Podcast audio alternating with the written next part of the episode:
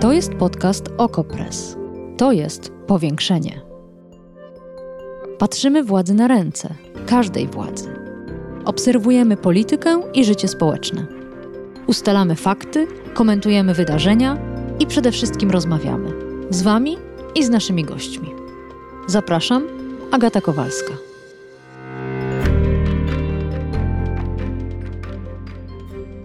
Wszyscy myśleli, że będzie jak zawsze. Kolejny projekt rządowy trafia do Sejmu, jest błyskawicznie procedowany w komisji, tego samego dnia na plenum, potem jeszcze jedno głosowanie, szybko Senat i mamy ustawę. Ale tak się nie wydarzyło. Chodzi oczywiście o Lex Czarnek, czyli projekt dziecko ministra edukacji, ministra Czarnka, który miał zreformować, czy raczej podporządkować szkoły kuratorom i zarazem bezpośrednio ministrowi. Co takiego stało się dzisiaj w Sejmie, dzisiaj nad ranem o ósmej, kiedy zebrały się połączone komisje, by pracować nad Lex Czarnek, to zaraz powiemy w powiększeniu. Sprawdzimy też, jakie znaczenie ma ten projekt, bo wprawdzie jego losy są niepewne, ale wciąż wydaje się groźny. A nawet nie tylko wydaje, bo z komentarzy jasno wynika, że Lex Czarnek, prawo, które nie zostało jeszcze przyjęte, już mąci w głowach nauczycieli i dyrektorów. O tym wszystkim dzisiaj w powiększeniu.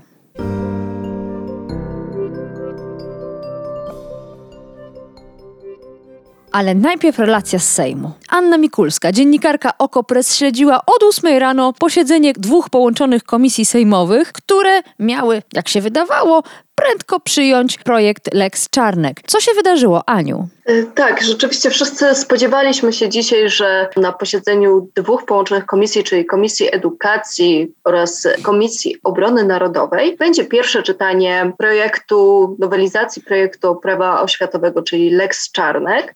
Mm, zaraz później tego samego dnia miałoby się odbyć drugie, drugie czytanie tego, tego projektu, no i potem szybciutko głosowanie. Natomiast tak się nie stało. Już na samym początku tego posiedzenia, wczesnym rankiem, czyli o 8 rano, poseł Koalicji Obywatelskiej Czesław Mroczek zwrócił uwagę, że to posiedzenie nie jest zgodne z prawem po czym powołał się na artykuł 150 i artykuł 140 regulaminu Sejmu, zgodnie z którymi prezydia tych właśnie obu komisji, które spotkały się dzisiaj mm -hmm. rano w Sejmie, mm -hmm. składają wnioski do komisji w sprawie pracy nad projektem. Ale formalność taka. Dokładnie, mhm. dokładnie. To była drobna formalność, która przesądziła o tym, że Mroczek złożył wniosek formalny. Skoro był wniosek formalny, to trzeba było głosować, to posiedzenie w takim razie ma się odbyć, czy też nie. W związku z tym, że nie dopełniono tej małej formalności. Dokładnie, dokładnie mhm. tak. W związku z tym, że mm, prezydia, jak, jak twierdził Mroczek, mm, nie złożyły wniosków do komisji dotyczących właśnie projektu Lex Czarnek, mhm. czyli coś, co, co powinno być dopełnione, ale dopełnione nie zostało. No ale tutaj, przepraszam, że ci przerwę, ale znów, jesteśmy przyzwyczajeni od sześciu lat, że posłowie opozycji składają przeróżnego rodzaju wnioski, merytoryczne, -hmm. formalne, a one upadają, bo PiS zawsze ma większość. Co się stało tym razem? Tym razem chyba dlatego, że pies był tak pewny, że już im nic nie stanie na drodze do, do wprowadzenia, do mm. Y, najpierw przeczytania, później głosowania i oczywiście przegłosowania Lex Czarnek. Ta pewność sprawiła, że aż 10 posłów i posłanek PiSu dzisiaj na posiedzeniu komisji się nie pojawiło. W związku z tym okazało się, że głosowanie wygrała opozycja. A to właśnie dlatego, że z jednej strony opozycja zmobilizowała się e, i na przykład z Koalicji Obywatelskiej wszyscy posłowie i posłanki byli obecni. Z Lewicy nie było tylko jednej osoby, a posłowie i posłanki Prawa i Sprawiedliwości. Zaspali.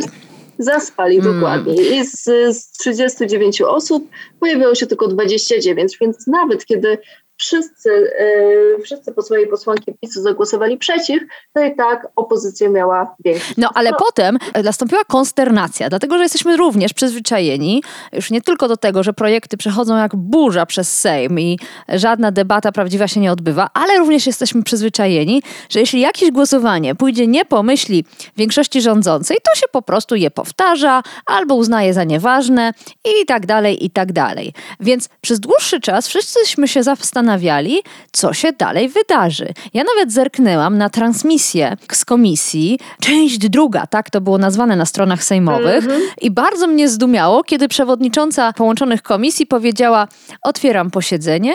Zamykam posiedzenie. E, termin następnego posiedzenia zostanie Państwu ogłoszony. Uśmiałam się, że ta część druga trwała dokładnie 30 sekund.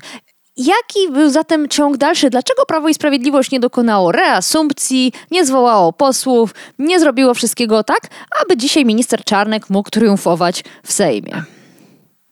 To jest świetne pytanie. W, tym momencie w tym momencie ciężko mi na nie odpowiedzieć, bo wszystko wskazuje na to, że tutaj mamy do czynienia z jakąś chyba większą polityką niż tylko to, że e, dziesięciu posłów, mm -hmm. posłanek PiSu zaspało.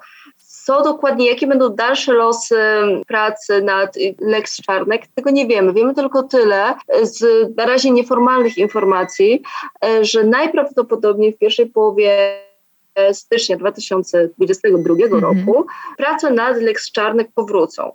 I na tym kończymy relację Anny Mikulskiej, dziennikarki Okopres, prosto z Sejmu, po tym niezwyczajnym dla Prawa i Sprawiedliwości dniu w Sejmie. I przechodzimy do drugiej części dzisiejszego powiększenia, w której będzie obowiązywała zasada jeden gość, jeden głos. Oczywiście wzoruje się tutaj na samym ministrze edukacji, który pierwotnie planował, że w czasie powoływania nowych dyrektorów szkół, nawet jeśli do komisji konkursowej pofatyguje się tylko jeden urzędnik kuratorium, to przysługiwać będzie mu pięć głosów. Zawsze będzie miał większość. Z tej zasady pan minister się wycofał, w związku z tym my w powiększeniu tym bardziej wracamy do zasady jeden urzędnik, jeden gość, jeden głos. Ale to jest tylko jedna rzecz, z której minister edukacji się wycofał. Pozostałe dwie bardzo niebezpieczne zmiany. Jedna, kuratorzy mogliby wciąż odwoływać dyrektorów szkół praktycznie od ręki, bez okresu wypowiedzenia oraz cenzurować zajęcia, blokując dostęp organizacji pozarządowych do szkół. Pytanie, jak to realnie wpłynie na szkoły? Jak wpłynie na ludzi oświaty? Czy rządowi uda się sparaliżować ich strachem, tak jak sparaliżował lekarzy ginekologów? A może będzie ich atakował, tak jak atakuje sędziów? Czy zuboży same lekcje? O tym wszystkim w drugiej części podcastu.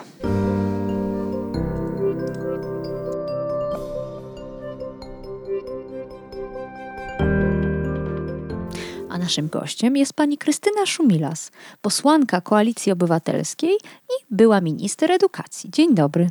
Dzień dobry. Pani posłanko, dlaczego ten projekt jest groźny dla polskich szkół? Co właściwie miałby w nich zmienić? Ten projekt jest groźny dla polskich szkół, ponieważ y, on zamyka szkołę przed y, organizacjami pozarządowymi, odbiera rodzicom prawo do decydowania, w jakich zajęciach y, ich dzieci będą mogły brać udział, a dodatkowo pozwala kuratorowi zwolnić dyrektora szkoły, który nie, nie podporządkuje się tym nowym przepisom, który na przykład będzie chciał posłuchać rodziców, czy zorganizować dla swoich uczniów jakieś wartościowe e, zajęcia. To jest taki projekt, który odrzuca właściwie wszystkie demokratyczne zmiany w polskiej szkole, które e, odbyły się się od czasów y, przełomu, wraca polską szkołę do czasów głębokiego komunizmu. Pani posłanko, ale minister Czarnek i również wiceminister Piątkowski, posłowie Prawa i Sprawiedliwości przekonują, że to wręcz odwrotnie. W szkole zapanuje większy porządek, a uczniowie nie będą zagrożeni treściami niepoprawnymi, treściami, które ich w jakiś sposób kierują na manowce. Co pani na to? Wyobrażam sobie taką sytuację, że rodzice jednej klasy, wszyscy, bez wyjątku, podpisują się pod wnioskiem, żeby Wielka Orkiestra Świątecznej Pomocy zorganizowała e, w klasie zajęcia z udzielania pierwszej pomocy. Czy dyrektor może to zrobić? Otóż w nowych przepisach nie. Musi najpierw zwrócić się o zgodę do kuratora. I już widzę tą sytuację, w której kurator nie wyraża zgody, bo nie lubi Wielkiej Orkiestry Świątecznej Pomocy. Co znaczą wtedy podpisy rodziców? Nic. Takie zajęcia po prostu się nie odbędą. Mogę podać wiele różnych przykładów, które pokazują, że te przepisy blokują rodziców, blokują taką możliwość zorganizowania zajęć przez rodziców na terenie na terenie szkoły. A co by powiedziała Pani, również jako była minister edukacji, na taką myśl, że szkoła nie ma służyć organizacjom pozarządowym, nawet najbardziej szczytnym akcjom charytatywnym czy dodatkowym zajęciom? Przede wszystkim powinna się skupić i jej dyrektor, i nauczyciele, i uczniowie, i rodzice na podstawie programowej, na podstawowej edukacji. Akurat udzielanie pierwszej pomocy jest w podstawie y, programowej i tego dzieci powinny się nauczyć. I wspomaganie tego procesu przez organizacje pozarządowe jest tutaj, jest tutaj bardzo ważne. Z drugiej strony minister mówi, ważne jest wychowanie. To jak uczyć dzieci empatii, jak uczyć dzieci chęci udzielania pomocy innym, jak uczyć dzieci y, takiego otwarcia na y, pomoc właśnie tym potrzebującym, jeżeli zamykamy szkołę przed organizacjami pomagającymi. Hmm. Y, rozmawialiśmy też o tym, o, o, o, bardzo drastycznych sytuacjach, kiedy na przykład y, y, w szkole dochodzi do drastycznej sytuacji, dziecko chce popełnić samobójstwo. Wtedy potrzebna jest natychmiastowa pomoc psychologiczno-pedagogiczna. Y, poradnie są niewydolne, więc szkoła może się zwrócić do organizacji pozarządowej i natychmiast taką pomoc ze strony organizacji pozarządowych uzyskać. W tej nowej rzeczywistości po prostu tego nie będzie mogła zrobić, bo nie wyobrażam sobie y, czekania przez miesiąc na zgodę mhm. kuratora na wejście organizacji pozarządowej do szkoły. Z taką y, pomocą interwencyjną. Pani posłanko, ale projekt został zmiękczony. Jak pani jako polityczka to rozumie? Co to jest za ruch ze strony Ministerstwa Edukacji? Moim zdaniem tutaj y, opór, bardzo duży opór samorządów terytorialnych i wszystkich organizacji pozarządowych y, spowodował, że ministerstwo wycofało się z pięciu przedstawicieli kuratorium oświaty w komisjach konkursowych. Ale nie wycofało się z tego przepisu, że kurator może y, wystąpić z wnioskiem o odwołanie dyrektora szkoły i jest to wniosek dla organu prowadzącego wiążący. Czyli kurator może kazać wójtowi zwolnić dyrektora szkoły i wójt musi się temu rozkazowi kuratora podporządkować. Czyli to jest takie fasadowe zmiękczenie tej ustawy? Moim zdaniem to jest y, fasadowe y, zmiękczenie tej ustawy. Widocznie PiS uznał, że zbyt dużo wokół tej ustawy złego y, się dzieje i zbyt duży jest opór na zewnątrz, więc trzeba jakby pokazać, że jest się otwartym na postulaty środowiska organizacji pozarządowych i samorządów, ale tak naprawdę cała ta ustawa nadaje się do kosza. Wprowadzenie jakiegokolwiek przepisu y, z tej ustawy dotyczącego y, organizacji pozarządowych czy kompetencji samorządu spowoduje zamrożenie takiej działalności szkoły wychowawczej, otwierającej na środowisko, zamrożenie tego, co jest y, niezwykle ważne współpracy i nauczenia młodych ludzi, nie zamykania się tylko we własnym gronie, ale otwarcia na to, co się dzieje, y, co się dzieje na zewnątrz. Odetnie też szkołę od pomocy od pomocy, które organizacje pozarządowe są w stanie udzielić prawie natychmiast, hmm. jak w przypadku takich tragicznych y, sytuacji. A, a to jeszcze ciekawe, że pani użyła słowa zamrożenie. Ja pomyślałam o czymś innym, o efekcie mrożącym. Obserwowaliśmy to w przypadku środowiska lekarzy po zakazie, pełnym zakazie aborcji i obserwowaliśmy, chociaż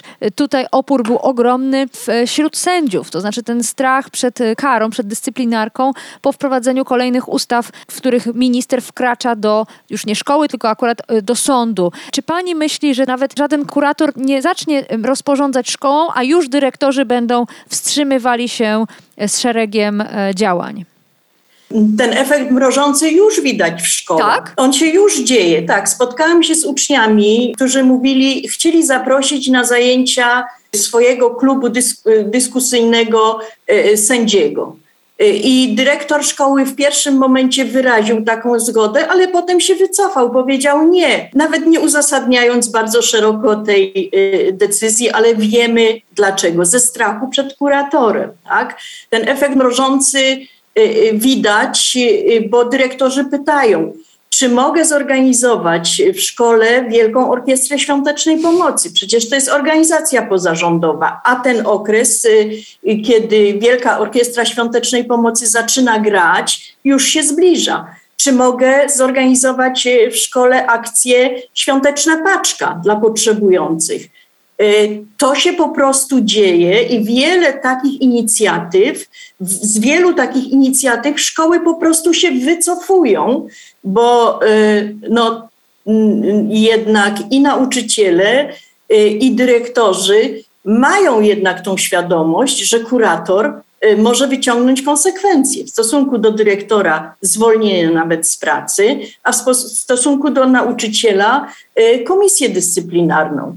E, I no niestety mnie to bardzo przypomina czasy e, PRL-u, kiedy właśnie takimi metodami, nie wprost, ale e, metodami prawnymi i, i pozaprawnymi działaniami wymuszano na nauczycielach taką postawę posłuszeństwa wobec, wobec władzy. Krystyna Szumilas, posłanka Koalicji Obywatelskiej, była minister edukacji. Serdecznie dziękuję. A już za chwilę drugi głos i drugi gość.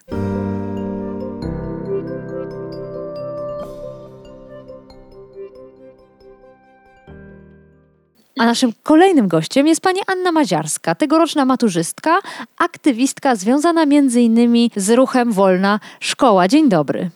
Dzień dobry, cześć. Dlaczego to Lex Czarnek jest groźne? Co ono może zmienić realnie na poziomie uczniów, uczennic w polskich szkołach?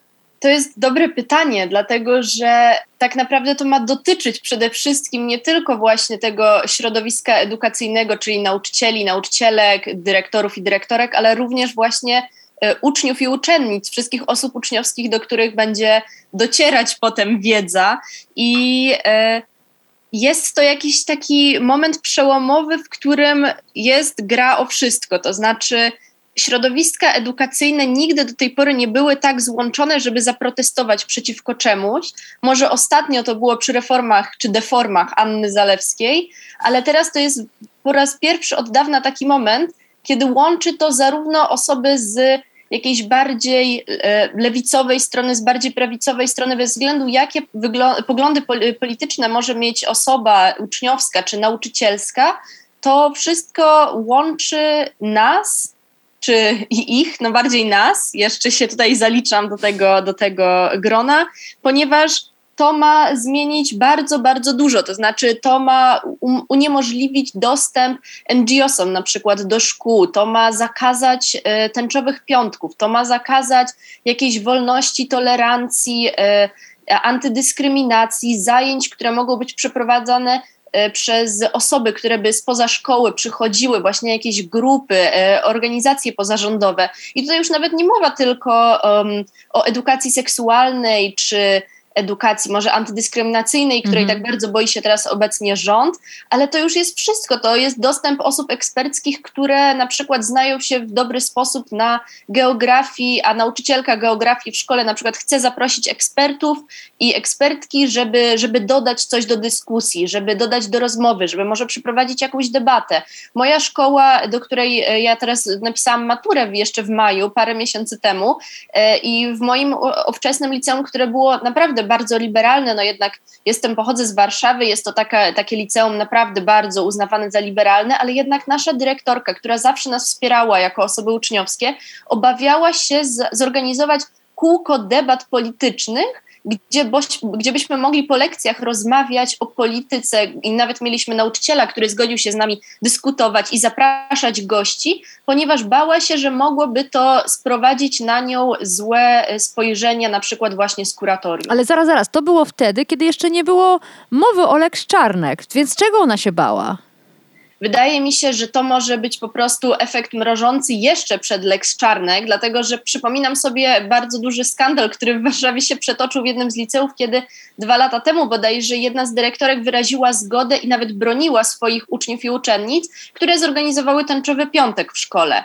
E, nie chcę już tutaj rzucać nazwiskami, ale to była wielka... Głośna sprawa, głośna sprawa. Wielka, bardzo głośna sprawa, dlatego że tam rodzice w pewien sposób zaczęli krytykować decyzję dyrektorki i potem najechały na nich oczywiście jakieś prawicowe media i e, to poczucie jakiegoś takiego e, braku wolności, braku tolerancji i jakiegoś takiej potrzeby ograniczenia, to wszystko nagle zaczyna się napiętrzać i teraz Lex Czarnek będzie tak naprawdę podawać rękę i przytulać się z tymi wszystkimi osobami, które życzą właśnie szkołom jak najmniej dostępu właśnie NGO-sów, ekspertów, ekspertek, osób doświadczonych w różnych tematach i to no właśnie nie tylko jakieś takie kontrowersyjne w cudzysłowie e, tematy jak edukacja seksualna czy klimatyczna, ale każda edukacja, która po prostu ma w pewien sposób postępowy pomagać w rozwoju młodych osób. A dlaczego rząd boi się edukacji antydyskryminacyjnej, boi się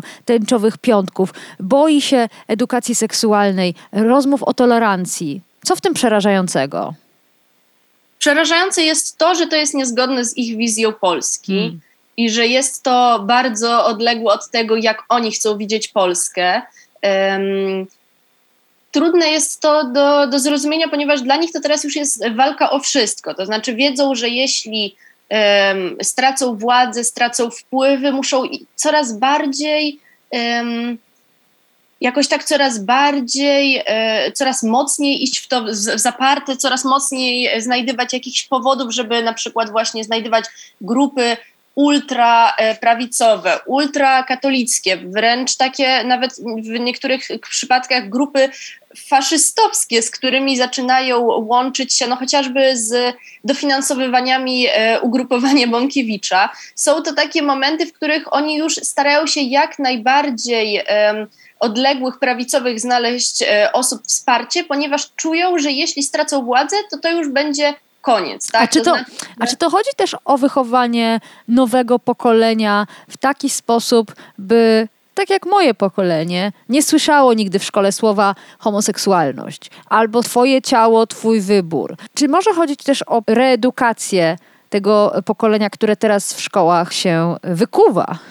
Jak najbardziej, jak najbardziej. Ja wręcz uważam, że to jest po prostu, e, najprościej mówiąc, jest to edukacja na przyszłych wyborców PiSu i wyborczynie. Mhm. Jak bardzo krótkowzroczny też jest e, spojrzenie osób, między innymi właśnie Czarnka, ale też osób rządzących. Krótkowzroczne? Obecnie. W jakim sensie? W tym sensie, że jeśli zechcą przeprowadzić takie mhm. reformy, jeśli Lex Czarnek zostanie wprowadzone, to jestem pewna, że osoby chociażby, które mogą się wahać przy głosowaniu na, takie, na taki pomysł, na przykład Konfederacja w Sejmie, mogą na przykład nie życzyć sobie, jeśli dajmy na to, kiedyś zostanie ministrą edukacji na przykład pani Dziemianowicz-Bąk, no to nie widzę jakoś, żeby e, takie osoby, które były na ultraprawicy bardzo się cieszyły, że, że taką silną władzę ma e, na przykład grupa zupełnie nie, niezgodna z ich poglądami politycznymi. A to, to znaczy... ciekawe, że, że, że patrzy pani rzeczywiście szalenie daleko. Myślałam bardziej, e, że powie pani, uczniowie, uczennice tym bardziej stawią opór, tym bardziej będą się organizować, tym bardziej będą sobie urządzać spotkania z organizacjami pozarządowymi, ale może nie, może po prostu im się tego zakaże, nie wpuści do szkół, nie pozwoli skorzystać z sali lekcyjnej czy z sali gimnastycznej i koniec będzie. Znaczy, ja, ja bym nie, nie powiedziałabym wcale mm, tak. Dlatego, mm. że ja, jako osoba, która ma teraz 19 lat, wychowywałam się, tak naprawdę moje świadome życie, ja pamiętam tylko od, od początku działań PiSu i rządów PiSu, a jednak y, mam to poczucie, że coś jest nie tak. To znaczy, mm-hmm. nawet pomimo tej edukacji, tej wiedzy, którą gdzieś zdobywam, pomimo tego jakiegoś ograniczania naszych praw, wolności, jakiegoś wprowadzania homofobii do, do Polski yy, i, jakiegoś takiego lęku przed osobami, które mogą być w jakiś sposób inne, w cudzysłowie. Ja nie nabieram tych przekonań. Może to jest spowodowane przez to, że my jako młode osoby mamy też dostęp do internetu. No na pewno, na Coś pewno. dzieje na przykład u naszych znajomych za granicą, prawda, na zachodzie. To znaczy jak ja widzę, że moja przyjaciółka w Berlinie ma spotkania z e, osobami trans, które przychodzą do szkoły i edukują i rozmawiają o tym, jak bardzo to jest normalne i jak bardzo to jest ważne, żeby zaznaczać, podkreślać obecność takich osób w społecznościach, w szkołach i tak dalej, to rozumiem, że w, w, moim państwie coś jest nie tak, coś jest nie mhm. halo. A ja przepraszam, ale przypomniało mi się, jak kiedyś któryś z e, tych e, bardziej e, wymownych posłów Prawa i Sprawiedliwości groził, że jeśli zostawimy szkoły pod wpływem organizacji pozarządowych, to nie minie wiele czasu, a do nich zaczną być zapraszane osoby transpłciowe i straszył, nawet używał słowa transwestyci, po czym uczniowie pisali, gdzie się trzeba zapisać, żeby takie odwiedziny się odbyły, bo e, mieli nadzieję, że przyjadą gwiazdy tej sceny queerowej, e, które są super popularne i prosili, żeby jak najszybciej rząd e, takie wizyty zorganizował. I to byli młodzi ludzie, gimnazjaliści, czyli też ci, którzy świata bez PiSu chyba nie pamiętają. Tak, i właśnie to jest niesamowite, że dla, tak naprawdę dla nas, dla młodszego pokolenia, rząd, czarnek, to wszystko staje się już dla nas jednym dużym memem. To znaczy, zaczynamy sobie żartować. I tak, ja też się absolutnie z tym zgadzam. To znaczy, im bardziej takie osoby, pamiętam, była taka sytuacja też, że mówiono o jakichś osobach, które mają przychodzić do szkół i rozdawać tabletki na zmianę płci. To po prostu Aha. było tak zabawne, że trudno było w ogóle się powstrzymać, bo my, jako młode osoby, mając do, jakieś doświadczenie, wiemy lepiej na przykład, że płci się nie zmienia, że nie ma tabletki, która nagle tak. płeć zmieni. To znaczy, te wszystkie błędy logiczne, które my wychwytujemy jako młode osoby, osoby, u osób, które rządzą naszym państwem, po prostu doprowadzają do dwóch rzeczy. Albo do jakiegoś strasznego zgorzknienia naszego e, poczucia, że te osoby, które rządzą, są bardzo um, głupie, jakieś bardzo zabawne, albo po prostu możemy się załamać. No a wiadomo, że o wiele, o wiele lepiej jest dla nas się śmiać z tego, co się obecnie dzieje, niż załamywać się chociaż no, my, Moje pokolenie z kolei robi jeszcze trzecią rzecz, która jest e, bardzo męcząca, czyli cały czas się oburza. E, wy się śmiejecie, a my się oburzamy i mówimy, że tak nie wolno, ale to jest e, szalenie męczące, więc zdecydowanie chyba wolę myśleć, że rząd i PiS stały się jednym wielkim memem i za tą poradę ogromnie dziękuję. Anna Maziarska, tegoroczna maturzystka, obecnie już studentka, a aktywistka związana między innymi z ruchem Wolna Szkoła. Bardzo dziękuję za rozmowę. Dzięki wielkie. A teraz wędrujemy do gabinetu dyrektora szkoły.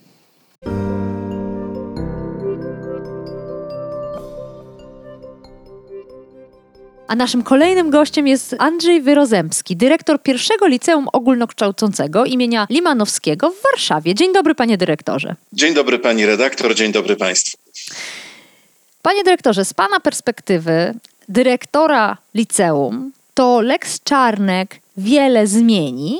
Czy ta nowelizacja ustawy sprawi, że nadzór nad panem, ten szef przez duże S jakoś wyjątkowo stanie się groźniejszy? Jak to pan y, widzi w najbliższej perspektywie? O ile ta ustawa zostanie przyjęta?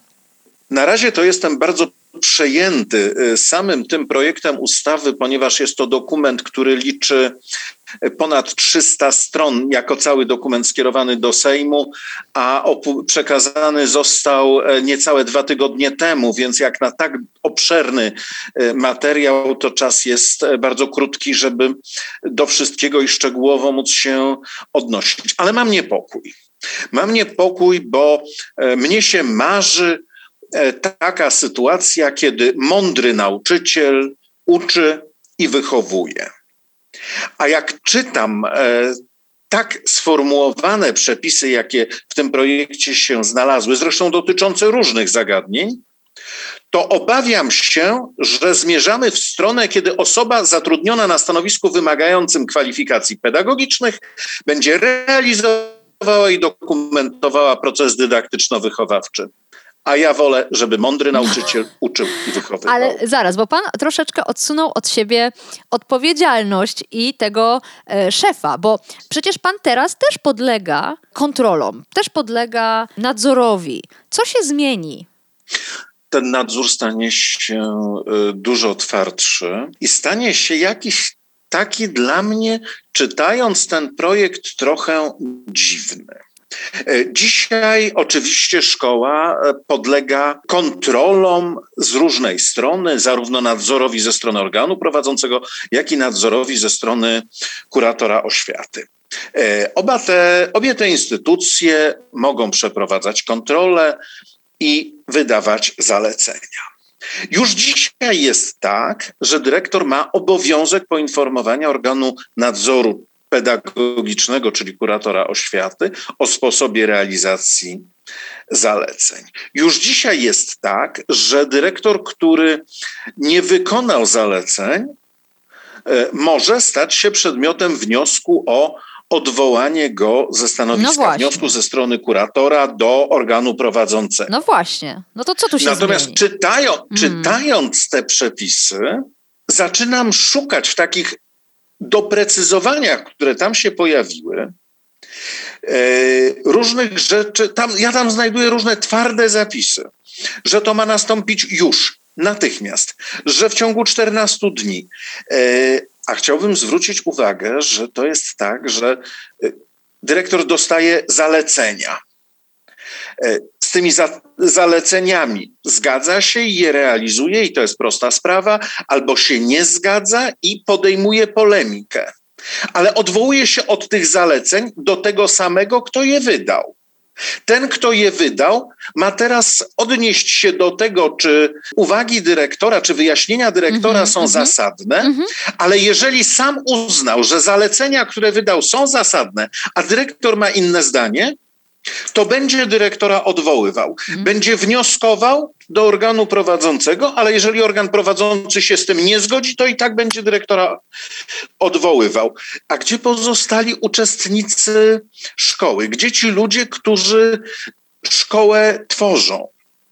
E, Ale to, panie to dyrektorze, to po, poszukajmy przyczyn, dlatego że ja pamiętam, że kiedy pojawiła się pierwsza wersja Lex Czarnek, to ja zadzwoniłam szybko do prezesa Związku Nauczycielstwa Polskiego, pana Broniarza, i zapytałam, powołując się na uzasadnienie projektu, ile razy w historii prezesowania pana Broniarza zdarzyło się tak, że dyrektor nie spełnił zaleceń kuratorium, a jednocześnie nie udało się go usunąć, bo procedury były, jak to teraz twierdzi ministerstwo, niedostatecznie dobrze skonstruowane. I pan prezes Broniarz powiedział ani razu. Nie pamiętam takiego przypadku, żeby na, e, dyrektor szkoły zawiódł całkowicie kuratorium, zbuntował się wręcz, tego użyjmy słowa, i nie dało się nic z tym zrobić. Później napisałam też do Ministerstwa Edukacji, do autorów tego projektu, tego uzasadnienia, z pytaniem, no to ile było tych przypadków, bo powołują się na nie dosyć, w dos- sposób dosyć ogólny w, w uzasadnieniu. Odpowiedź brzmiała, nie zbieramy takich danych. W związku z tym, ewidentnie przyczyna tego zaostrzenia jest inna. Nie niewydolność procedur, tylko jakiś inny cel. Jak pan myśli, jaki to jest cel? No, chyba w odgadywaniu cudzych intencji i takim zgadywaniu nie jestem dobry. E, Jest tak dużo narzędzi do tego, żeby w sposób obiektywny odnosić się do pracy dyrektora, wpływać na e, kierunek działania dyrektora szkoły. No wreszcie nie wspomnieliśmy dzisiaj o takim narzędziu, jakim jest ocena pracy nauczyciela, w tym dyrektora szkoły gdzie mogą się wypowiadać wszystkie strony, które szkołę, szkołę tworzą. W tym także kurator oświaty, dyrektor, który otrzyma negatywną ocenę pracy, przestaje być dyrektorem.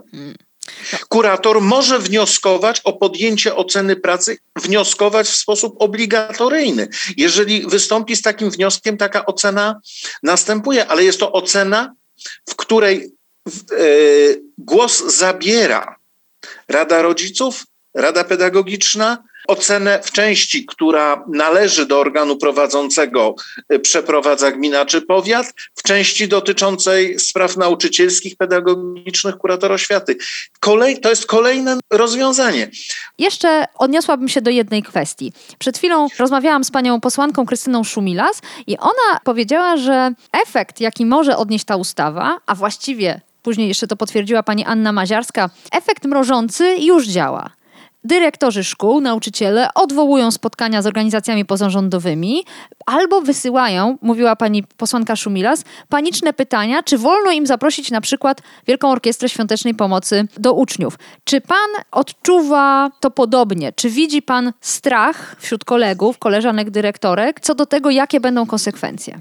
Mm, Ja widzę swój strach, ale przed tym, Przed. że jeżeli nie będziemy mówić o szkole demokratycznej, to co nam pozostanie? Szkoła autokratyczna, zamordystyczna. Przecież te relacje będą się przenosić. To jest kwestia atmosfery w pracy.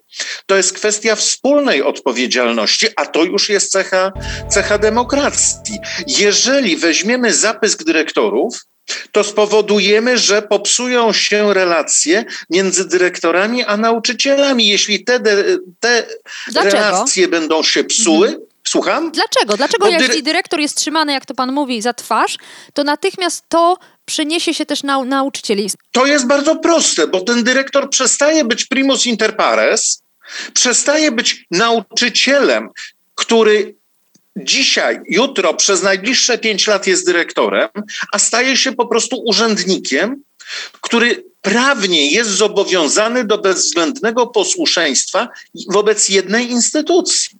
Szkoła to nie jest bezduszny urząd. Tu są ludzie. Tu muszą być wzajemne dobre relacje.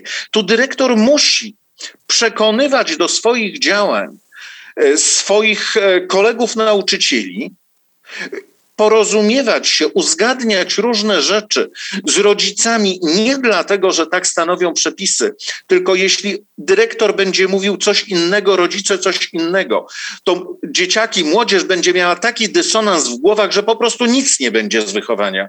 Ani w szkole, ani w domu, bo ono wzajemnie będzie się wykluczało. Pan idealizuje szkołę. Wiele szkół wciąż działa w sposób mocno autorytarny. Jest dyrektor, który zarządza, nauczyciele, którzy pochylają głowy, więc być może dla nich ta zmiana będzie niezauważalna. Ja myślę, że e, jeżeli dyrektor chciałby narzucać tak na siłę, e, no to będzie miał e, niewolników, a nie pracowników, czyli wywoła działanie bez wewnętrznego zaangażowania. A praca nauczyciela to znowu, podkreślam, nie jest praca urzędnika. Lekcja to jest pewnego rodzaju misterium za zamkniętymi drzwiami. Tego się nie da opisać w procedurach. Hmm. To jest relacja między jednym człowiekiem, który stoi pod tablicą, a może krąży i nawiązuje kontakt wzrokowy, werbalny, myślowy z grupą młodych ludzi, których w jakiś sposób prowadzi.